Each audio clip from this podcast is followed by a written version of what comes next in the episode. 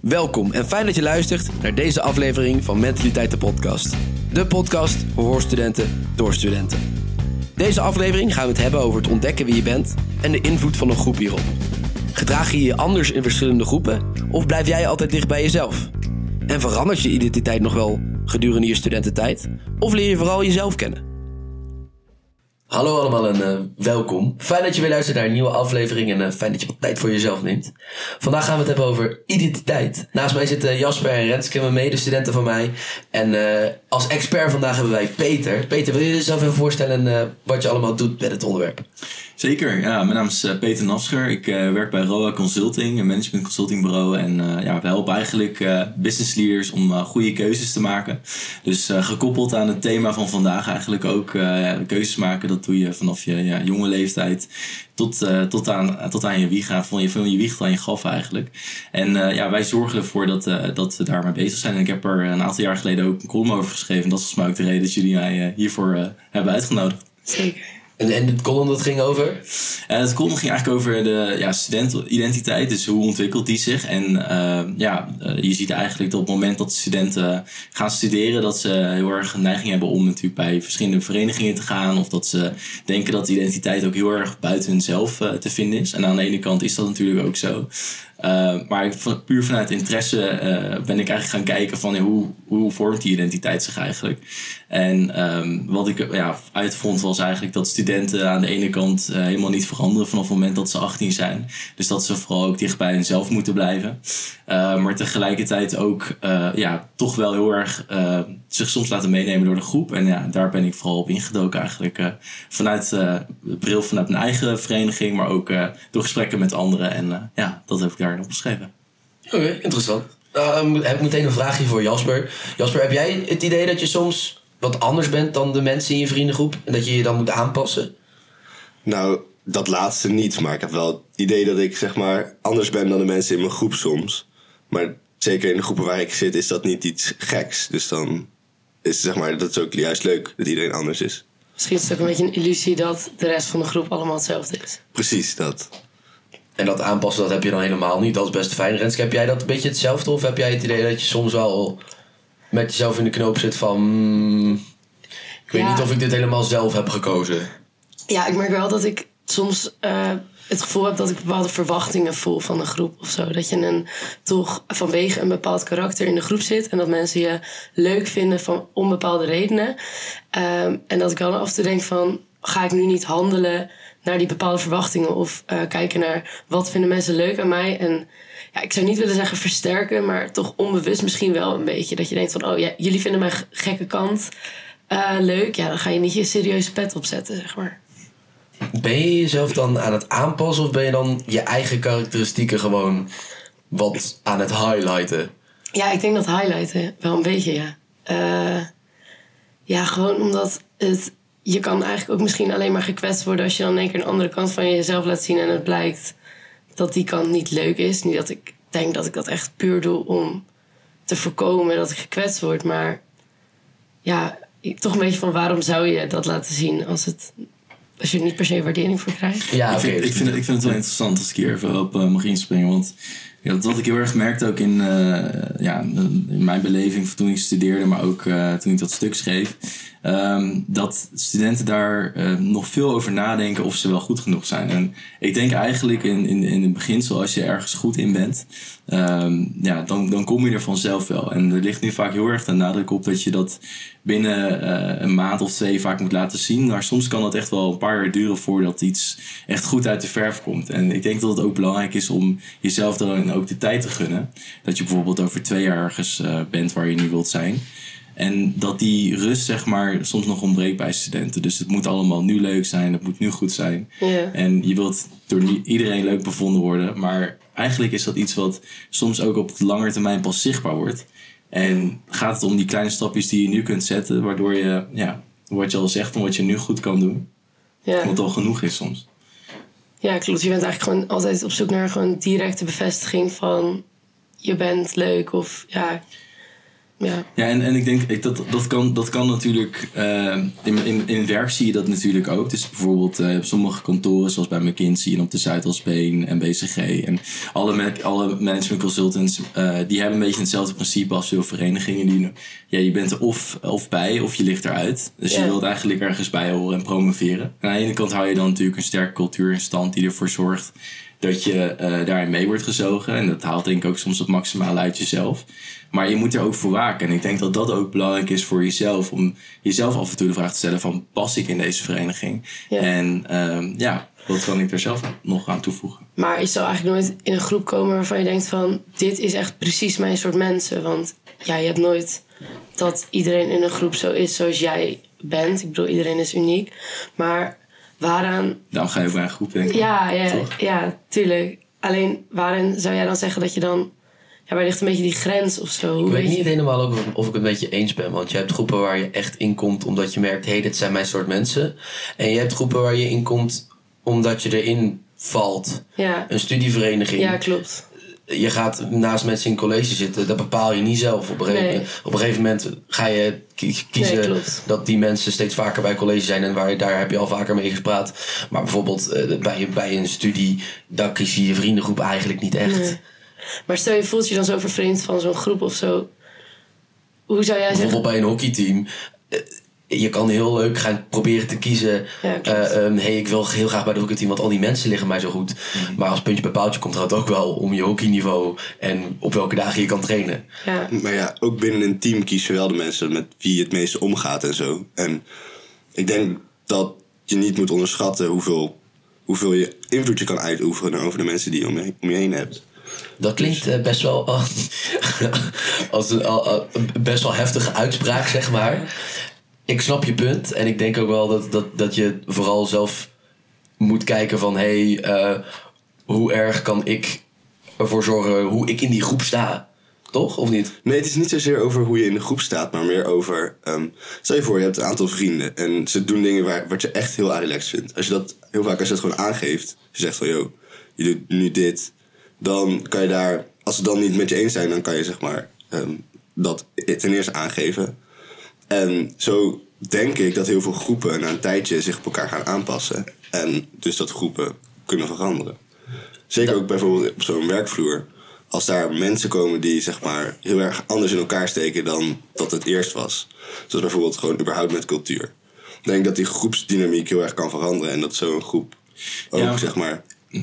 Hey, maar ik, ik, denk dat, ik denk dat het ook iets heel positiefs kan hebben. Want het is vaak ook een bewuste keuze eh, om een bepaalde cultuur neer te zetten. En als je in een high-performance cultuur zit en je wilt echt het maximale uit jezelf halen of uit je werk.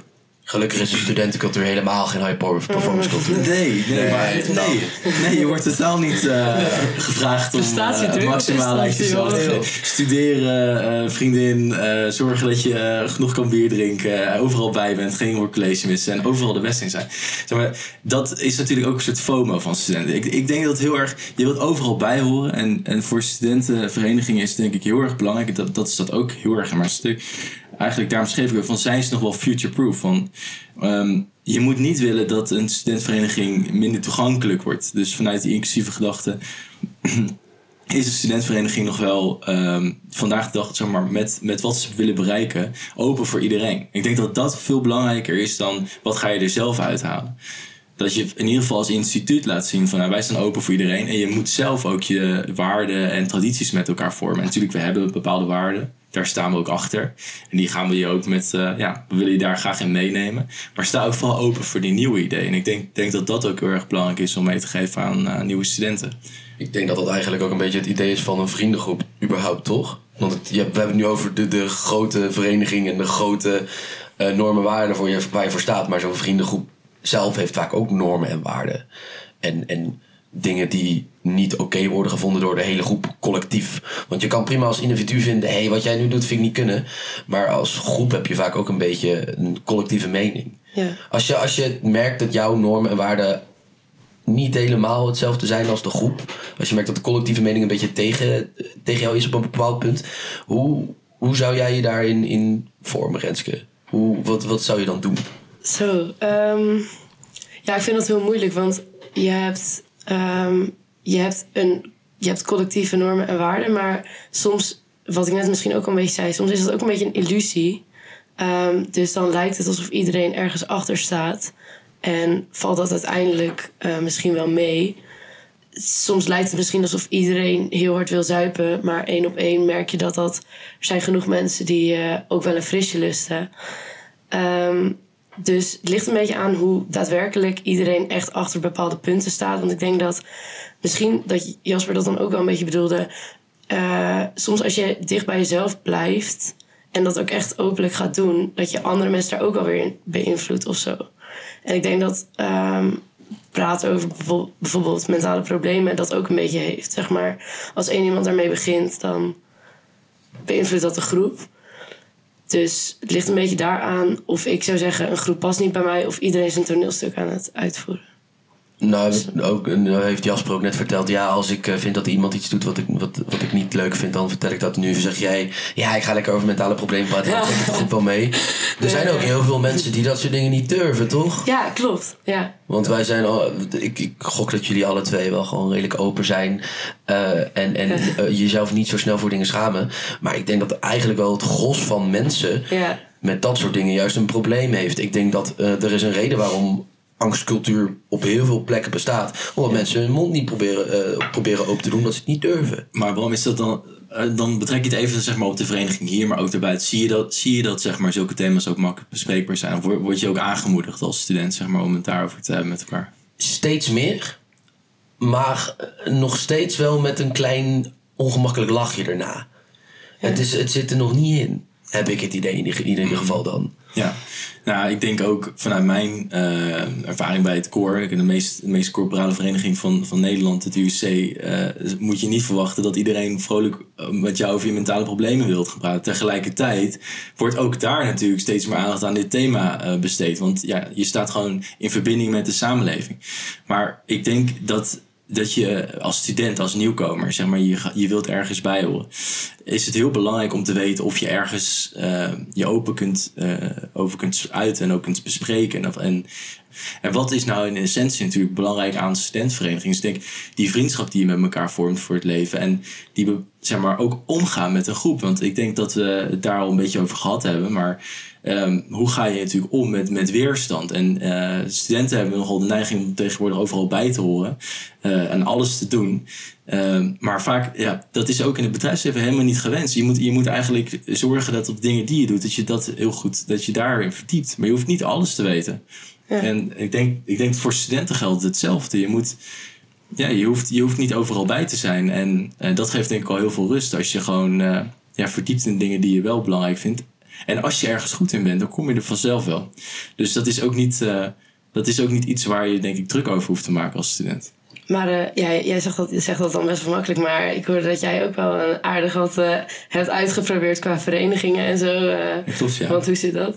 Ja, ik ben echt overal ingedoken. Dus in het begin van, ja, van toen ik ging studeren was ik 18. En uh, ik ging bij mijn studievereniging, ik ging bij een roeivereniging, ik ging uh, ja, bij een uh, politieke jongerenpartij. Ik keek eigenlijk overal rond en ik, ik puur vanuit het enthousiasme, dus ik maar, heb me er ook zeker zelf schuldig aangemaakt, schuld, verkeerde woord misschien. Maar ik denk dat het enthousiasme alleen maar goed is, dat je dingen uitzoekt en kijkt van wat je interessant vindt. Dat hoort ook bij die vormende fase in je leven. Alleen wat je volgens mij er niet mee moet doen, is dat je jezelf kwalijk neemt als iets niet lukt. En als je denkt, ja, dit was niet iets voor mij. Dan heb je het in ieder geval geprobeerd. Ja, want dat, dat is een van de dingen die ik uh, zelf redelijk moeilijk vind. Maar ik heb het idee dat studenten dat heel moeilijk vinden. Dat uitproberen, dat is iets wat door ongeveer de hele samenleving wordt gezegd.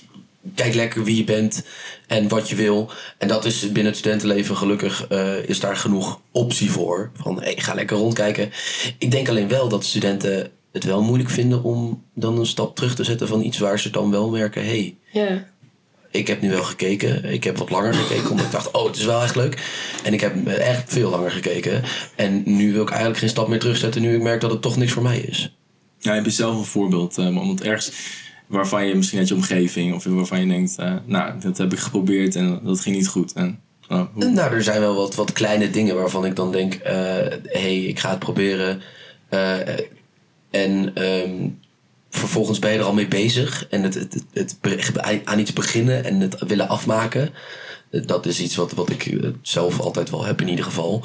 Eh, dat kan af en toe wel voor problemen zorgen als je eigenlijk binnen een groep zit eh, of, of ergens bij zit waar je denkt, "Mwah, Ja, ik vind dat ook heel mooi, hè? want als je ergens eh, aan commit en van tevoren al weet van ik wil, ik ga hier ergens in omdat ik het belangrijk vind of omdat ik me daar, omdat ik kennis ergens van heb, omdat ik dat graag wil doen voor mensen om me heen. Ik bedoel, betekenis geven aan, aan een ander is heel mooi. Maar eh weet ik niet of ik het helemaal met je eens ben of, of ergens mee stoppen. Ook al eh, is het ehm, soms moeilijk om dat aan te geven. Ook als je denkt eerder van ja, dit, dit was het niet voor mij. Dat lijkt misschien op dat moment het ergste wat, wat je kan overkomen. Maar ik denk een maand later of twee maanden later kan het heel positief zijn. Komen mensen misschien ook wel naar je toe van ja, heel moedig eigenlijk dat je die keuze toen maakte. Eh, en dat heb je toen misschien heel goed besloten. Ja, en ik denk ook dat mensen soms dan denken dat je dan allemaal voor niks hebt gedaan of zo. Zeg maar dat stel je begint ergens en je stopt uiteindelijk ehm, eerder dan eigenlijk de bedoeling was. Wie zegt dat, het dan, dat je het dan beter niet had kunnen doen? Ik vind dat altijd zulke onzin. Als je gewoon iets uitprobeert en dan denkt... ja, dit was echt niks voor mij. Hoe mooi dat je het wel hebt gedaan. Want dan weet je het echt. En anders blijf je jezelf eh, maar gewoon zeggen van... nou, dat was toch niks voor mij. Ik vind het wel tof als mensen dat gewoon proberen... en het een eerlijke kans hebben gegeven. En ik denk dat je daar jezelf ook juist gewoon weer heel goed door leert kennen. Maar ik denk dat er ook een grote blokkade in zit. Of zeg maar dat mensen niet andere dingen gaan doen. Is het risico op. Zeg maar, ik doe dit. Maar als er, is er wel iets, iets beters of zo. Dus want als je ergens mee bezig bent, dan is het vertrouwd. En ik denk heel vaak dat mensen juist dat, dat vertrouwde opzoeken. Ja, Ehm, dat het gewoon, omdat het veilig is, omdat je gewoon zeker bent van je plekje of zo. ja, precies. Dus, en zeker wat ook meespeelt is denk ik bijvoorbeeld ehm, die toch hoge studieschuld die steeds opbouwt. Dat is een enorme drijfveer om gewoon te blijven doen wat je doet. Want opnieuw beginnen, dat kan gewoon soms niet. Nee. Ehm, ik denk dat daar ook heel veel, heel veel ja, onderdelen van problemen zitten. Vroeger switchte je van studie, studeerde je een ja- jaartje langer. Ja. En dat kan nu steeds minder eigenlijk. De druk om je identiteit te vinden is eigenlijk al gewoon Het moet sneller. Het moet, moet sneller. Ja. Maar dat, dat is eigenlijk eh, financiële stress wat je nu omschrijft. Dat, dat is volgens mij iets wat, eh, wat ook echt wel is aangetoond in verschillende onderzoeken. Dat als mensen onder financiële druk komen te staan, dat ze daardoor gestrest eh, worden. Ja. Dus dat is ook logisch dat dat je, je eigen keuze ook beïnvloedt. En dat zou het eigenlijk ook niet moeten doen. Maar dat eh, laat ik aan de regering over wat Ja. een verstandige keuze is. Ja. Maar eh, wel een belangrijk punt denk ik. En ik denk eigenlijk op beide wat jullie zeggen. Eh, nogmaals, eh, eh, een boek wat ik eerder heb gelezen ook, of nou, mijn paas heeft het er zeker ook vaker over gehad, eh, is eigenlijk the, die, the Regrets of the Dying. En laat ook heel erg zien dat wat, wat vinden mensen aan het einde van hun leven, waar, waar hebben ze spijt van? Dat zijn vooral de dingen die ze, waarvan ze wisten dat ze die konden doen en dat ze dat niet hebben gedaan. Dus het is ook echt zeker een aanmoediging om vooral die dingen te doen waarvan je denkt, nou, nou, misschien lijkt het een, een zware investering om toch te switchen, maar om het wel te proberen als je denkt dat dat een goede keuze is. Ja, ja en ik, ik denk toch dat heel veel studenten dan... Ja, je hoort natuurlijk overal van eh, wees jezelf en eh, nou ja, allemaal van dat soort inhoudsloze eh, spreuken. Ik denk toch dat, dat mensen dan echt denken van, maar hoe dan? Zeg maar, of dan heb je gewoon een leuke groep en denk je, ja, dan hang ik hier mijn identiteit wel gewoon aan. Ik vind deze mensen leuk. Is, dat, is dat erg? Als iemand ervoor kiest om zijn identiteit aan een groep te hangen? Poeh, eh, ligt er een leuke groep of niet? Ligt Wat, wat of- vind jij was? Het ligt er heel erg aan of het iemand negatief beïnvloedt. Zeg maar, als je bij- bijvoorbeeld als mensen je pushen om, om betere dingen, ehm, betere dingen uit jezelf te halen, dan is dat iets positiefs, denk ik. Ja, maar weet ik niet. Het moet ook nog steeds wel bij jezelf passen. Want ook al beïnvloedt een groep jou om beter eh, te presteren of zo. Als het jouw ding is om altijd een beetje middenmoot te blijven. En jij hebt eigenlijk ehm, gewoon diep van binnen niet per se behoefte om altijd maar beter, beter, beter. Dan denk ik dat je zelf op een gegeven moment wel voorbij rent in zo'n groep. Ondanks het. Ik denk dat misschien ligt ligt het dan in de definitie van het woord beter. Hè? Want Ja. bijvoorbeeld betere dingen uit jezelf halen, dat kan ook zijn dat een groepje pusht om meer rust te nemen. Ja, klopt. Dat kan ook beter zijn voor jezelf. Ja. Ja, ik, ik vind het ook wel een mooie vraag, maar ik zit eigenlijk te denken van, is het, eh, je vraagt van, zijn studenten, is het erg om je identiteit aan een groep op te hangen? Nee, dat denk ik niet. Eh, maar ik merk wel dat studenten steeds meer een soort van nou, een beeld hebben, wat misschien een ambitieus beeld hebben van hun leven, wat misschien niet helemaal strookt met de werkelijkheid van.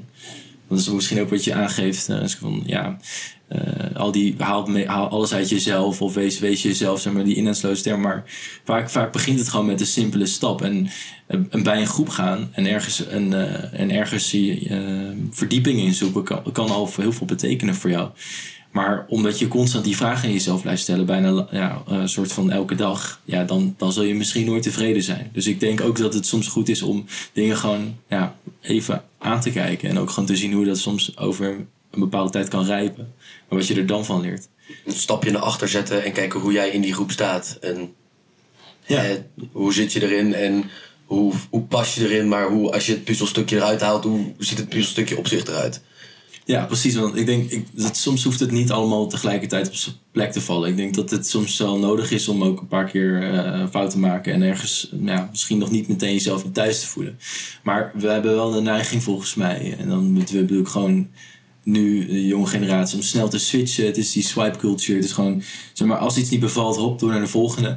En dat is heel lastig als je in, in, met keuzes te maken krijgt. Zoals dingen het kopen van een huis of een lange relatie aangaan. Iets waar je gewoon niet, waar je niet een keuze op een moment kunt maken. Want het is geen impuls aankopen. Het is ook niet iets waarvan je nu denkt het moet nu gebeuren.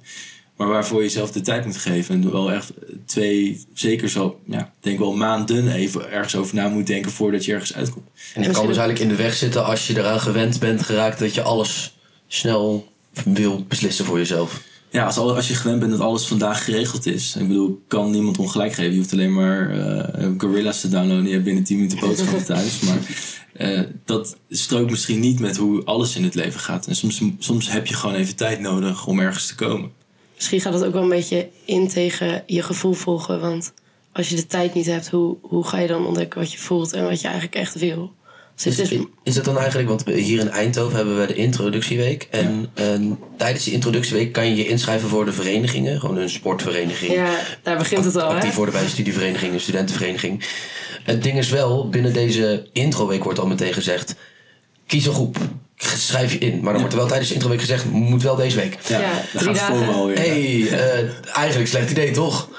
Ja, dat, dat lijkt me niet verstandig aan de ene kant voor het gevoel van uh, ergens bij willen horen. Maar tegelijkertijd, volgens mij komt ook, ik weet niet hoe dat hier in Eindhoven is, ik ben benieuwd hoe je dat ziet. Maar dat slow studying idee wel heel erg op. Van hoe, hoe, hoe kan je toch jij, jij noemt het ook al uh, een paar keer van hoe, hoe zorg je er eigenlijk voor dat je toch de tijd kunt nemen om goede keuzes te maken, ondanks dat het wel meer kost. En volgens mij, los van de hele discussie rondom studieschuld, moet je gewoon wel uh, naar jezelf gaan van hoe kan je nou op een rustige manier studeren en uh, jezelf vormen tot wie je wil zijn. En ook weten dat dat niet ophoudt als je studeert, want dat ja, houdt, houdt nooit op, denk ik. Ja, ik denk eigenlijk ook dat bijvoorbeeld um, dat het soms veel belangrijker of veel waardevoller is om echt uit te vinden wie je, wat je niet bent of wie je niet bent, dan dat je precies weet wie je wel bent. Um, want dat verandert. Um, maar heel vaak dingen die je niet bent en dingen die echt niet bij je passen, dat, daar kan je dan, zeg maar, dat kan soms veel waardevoller zijn om daar. Misschien wat jij ook wel een beetje hebt gedaan, dan in heel veel verenigingen een beetje kijken, dan leer je dan toch elke keer weer een stukje van jezelf dat je. Ja, misschien, ik weet dat ik mijn studie heb gekozen door eerst te kijken van, nou, dit vind ik niks, oh, dit vind ik ook niks. En dan soms dan kom je daardoor bij de vraag van waarom vind ik dit niet leuk? Ook automatisch bij de vraag, wat vind ik dan wel leuk? Ik weet niet of dat een beetje aansluit bij wat ja, je Ik denk ook dat het veel makkelijker is om te zeggen dat je iets niet leuk vindt... dan dat je iets wel heel erg leuk vindt, vooral tegen andere mensen. Omdat als je iets niet leuk vindt, dat is, vind ik niet leuk, blijft van je weg. Terwijl als je zegt, ja, ik vind dit heel leuk...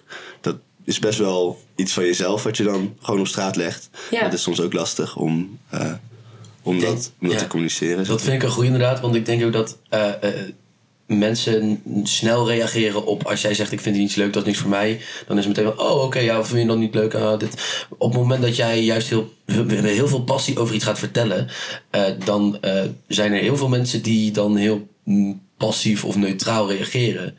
Ja. Ik denk ook dat, dat dat een beetje tegenhoudt. Er zijn ook weinig mensen die dat denk ik echt kunnen. Dat ze echt iets leuk vinden en gewoon echt dat van de daken kunnen schreeuwen. Is prima, want het zou anders wel een beetje heftig worden allemaal. Ik ben zo blij. Dus je, moet, je moet eigenlijk, je moet gewoon, dat positieve moet er gewoon veel meer inkomen, denk ik, bij studenten. Ik bedoel, het is, het is, het oprecht, denk ik, de mooiste tijd van je leven.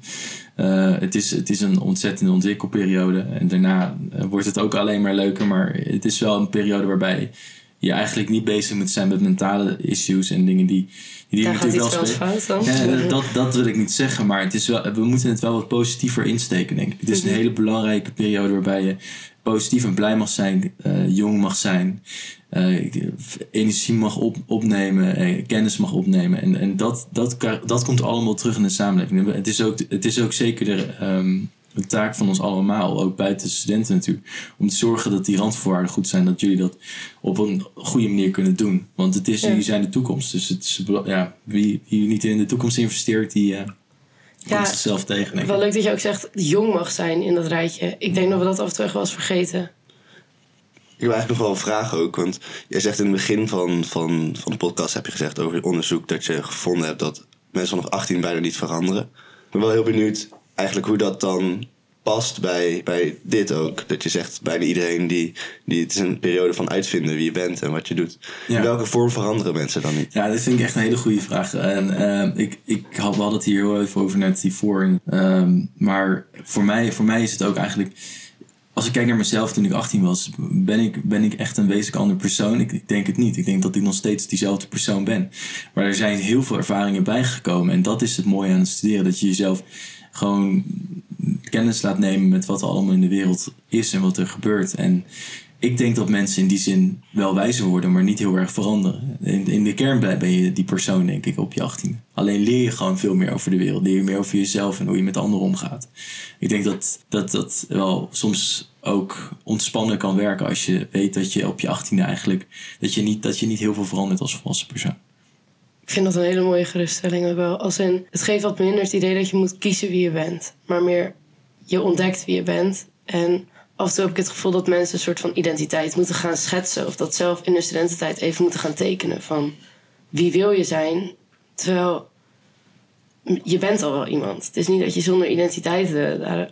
Ja, met zeker. Ik denk dat, ja, die slaat spijker op zijn kop. Ik denk, eh, volgens mij is het niet, naast dat maakbare van keuzes maken die ongeacht je toekomst heel erg beïnvloeden, ook al op de middelbare school, voor een studiekeuze. eh, eh, ik denk uiteindelijk dat, dat je inderdaad de persoon bent wie je, wie je al, altijd al was. En dat, dat, eh, dat je die verrijkt met alles en alle ervaringen die je opdoet. Maar dat je, dus ook als je fouten maakt en als je denkt, Ja. zo, daar, ben ik, daar heb, ik echt, heb ik echt iets verkeerds gedaan Ja, dat je toch op. En soms is het lastig voor mensen, maar ook als het heel zwaar is, kom je jezelf op bepaalde dagen nog wel tegen en denk je van hé, hey, zo dacht ik vroeger. ja, En dat moeten we vaker doen, want omdat je ja, als kind toch ja, heel positief denk in de wereld nog staat. ja. En dat, we- dat we dat wat meer moeten vasthouden. Dat je niet minder verandert dan dat je denkt. ja, die keuzes die helpen je eigenlijk, maar die bepalen niet per se wie je bent. Een foute keuze weet ik het niet. Ja, absoluut niet. Het bepaalt zeker niet wie. En ik denk ook zeker dat die.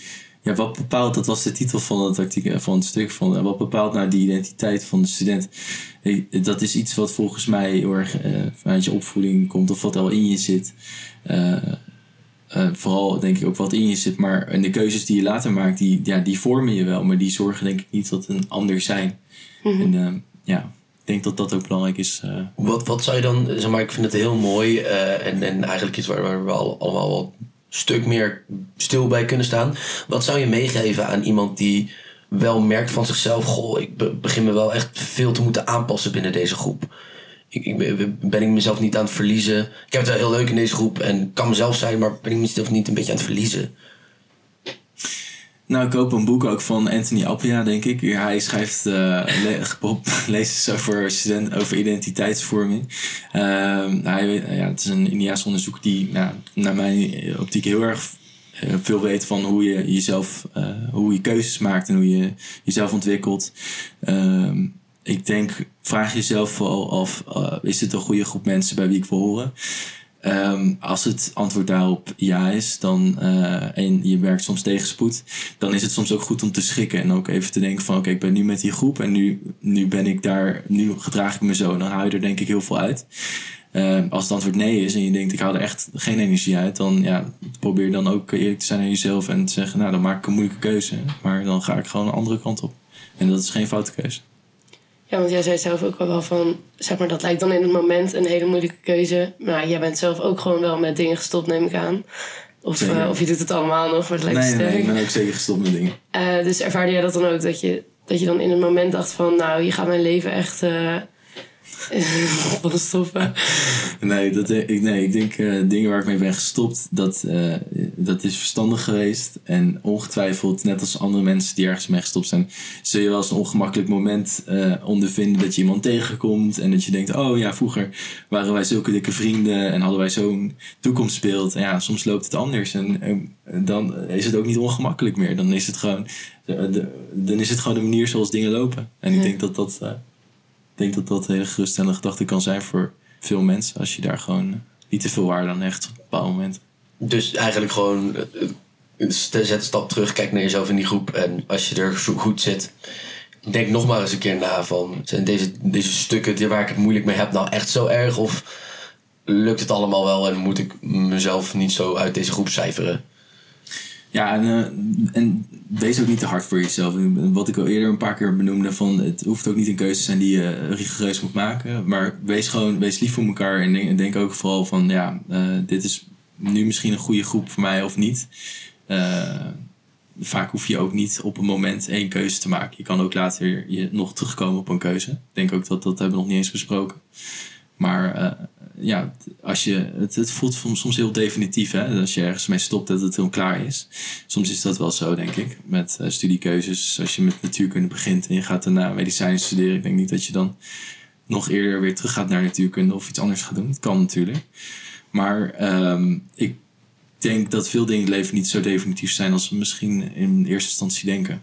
Dus eh, weet ook altijd dat die deur vaak open staat als je je gewoon netjes opstelt en eh, ja, mensen, als je, als je mensen echt ziet. Als je mensen ziet, denk ik, dan is er volgens mij heel veel mogelijk. Ik denk ook wel een mooi voorbeeld hiervan. Dan wel ehm, uit mijn eigen dispuut. Ehm, een reunist van ons, die is ehm, als ruzie met ruzie uit dispuut gegaan. En nu na, volgens mij, vijf of zes jaar, is hij toch weer teruggekomen met... Ja, ik mis het toch wel eigenlijk heel erg. En zou ik alsnog reunist mogen worden? Ehm, en daar was in eerste instantie was daar natuurlijk best wel veel, veel pushback op van ja, ruzie, ruzie en eh, eh, dit, dit gedaan, dat gedaan. Maar ik merkte heel erg eigenlijk, als ik dan echt met die mensen die daar zo, die daar zo fel op reageerden ging praten, dat ze dan toch ook weer wel waren van ja, ach, waar, waarom ook, ook niet eigenlijk? Ik bedoel, ze hadden ook heel veel mooie dingen meegemaakt. En toen toen is hij uiteindelijk toch alsnog realist geworden. Kijk. En ik merkte dat dat bij heel veel mensen eigenlijk wel toch wel, wel weer, weer goed zat. Omdat het toch wel om, om een fout ging die soort van, Ja, ja, Je stapt over je eigen schaamte heen. Ik bedoel, het is, Ja. het is fantastisch ook omdat het, het voelt eerst ongemakkelijk. Van ja, we kunnen iemand niet terugnemen. Dus we zijn met ruzie uit elkaar gegaan. En toch weet je elkaar weer te vinden ergens. En zorg je ervoor dat je, dat je die connectie weer maakt. Ik denk dat dat een heel mooi, eh, een mooi voorbeeld is van hoe je in veel dingen in het leven toch, als je het gesprek aangaat en zorgt dat je met elkaar naar elkaar blijft luisteren, dat je weer eh, mooie dingen met elkaar kunt gaan doen. En misschien waren jullie wel uitgekomen dat, dat het toch niks was geworden, maar je hebt elkaar toch gezien. Ik denk dat dat heel belangrijk is. Ja, dan kan je ook gewoon tegen jezelf zeggen van ik heb dat geprobeerd. En anders blijft dat altijd zo'n wat als kwestie. En dat is gewoon eigenlijk heel zonde. ja. Dat vind ik eigenlijk een hele mooie om mee af te sluiten. Aan de luisteraars thuis, hartstikke bedankt voor het luisteren. Peter, heel erg bedankt voor het, eh, Ja, leuk om hier te zijn, Bob. alle, alle toevoegingen. En eh, aan alle luisteraars thuis, bedankt voor het luisteren. En fijn dat je wat tijd voor jezelf nam.